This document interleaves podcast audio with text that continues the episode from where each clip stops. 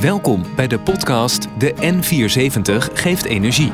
Een driedelige serie over de duurzaamste weg van Nederland.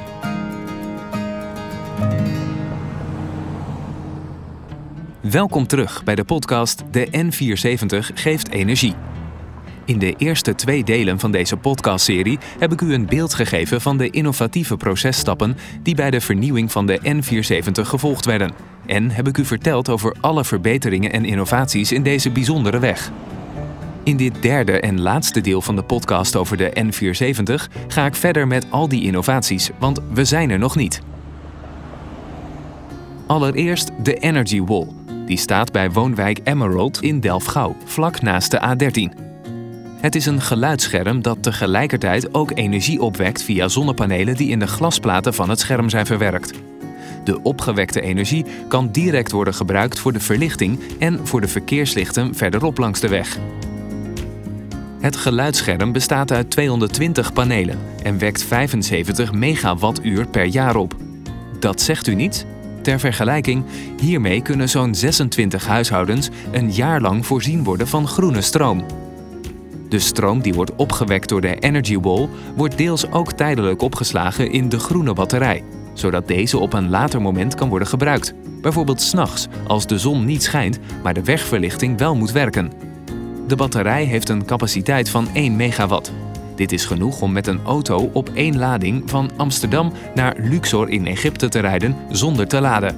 En het is genoeg om een paar donkere dagen te overbruggen als de Energy Wall onvoldoende stroom opwekt. Wanneer de toepassingen van de Energy Wall voldoende rendabel blijken te zijn, kunnen ze op grote schaal worden toegepast op andere plaatsen binnen de provincie.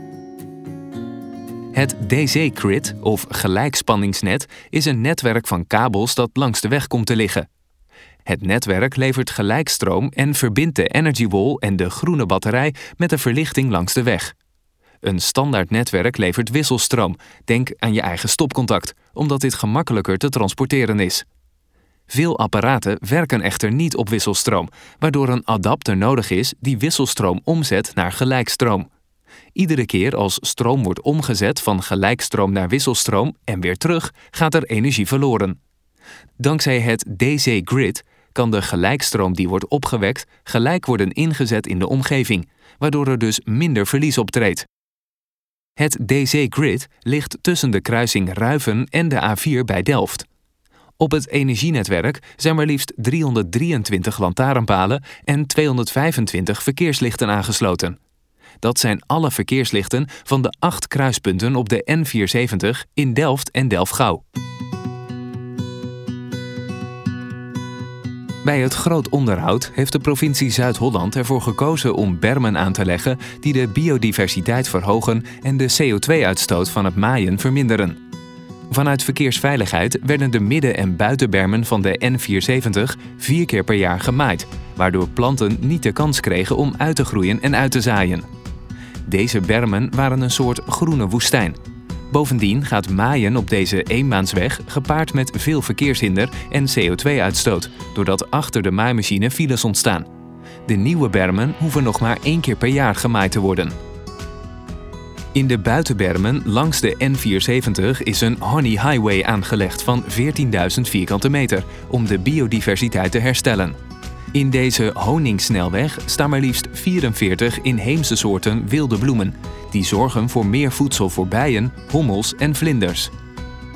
Om te zorgen dat de wilde bloemen niet over de weg heen gaan groeien, ligt er een scheidingsstrook tussen de weg en de Honey Highway. Deze strook bevat olivijn, een mineraalsoort die CO2 opneemt. In de middenberm van de N470 tussen Pijnakker en Zoetermeer is in totaal 6500 vierkante meter sedum geplant. Sedum is een vetplantje dat laag groeit en weinig onderhoud nodig heeft. Doordat de provincie minder hoeft te maaien, is er minder verkeersoverlast en wordt CO2 bespaard. Andere planten zullen zich na verloop van tijd beperkt tussen het sedum gaan wortelen. Op de proeflocatie onderzoekt de provincie hoe de berm zich gaat ontwikkelen. Tot slot zijn er speciale planten aangebracht die het fijnstof afkomstig van autobanden en uitlaatgassen afvangen. Dit zijn planten met fijne haartjes op hun stelen of bladen. Het fijnstof blijft daaraan vastkleven, waarna het bij een regenbui loslaat en de grond inspoelt. Het volgende onderwerp: geluidshinder. Op een aantal locaties langs de N470 wordt geluidsoverlast ervaren. Tunnelgeluid is daarbij een van de meest hinderlijke geluidsbronnen. Daarom is in twee tunnels geluidsabsorberende bekleding getest. Deze bekleding is gemaakt van houtvezelbeton van sloophout en van olifantsgras.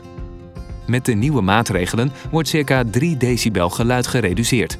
Dat is maar liefst een halvering van de geluidsterkte. Het gaat om de tunnel onder de Zuideindse weg ter hoogte van bedrijventerrein Ruiven in Delfgauw en de Parkkamerstunnel ter hoogte van woonwijk Oostmeerpolder in Pijnakker.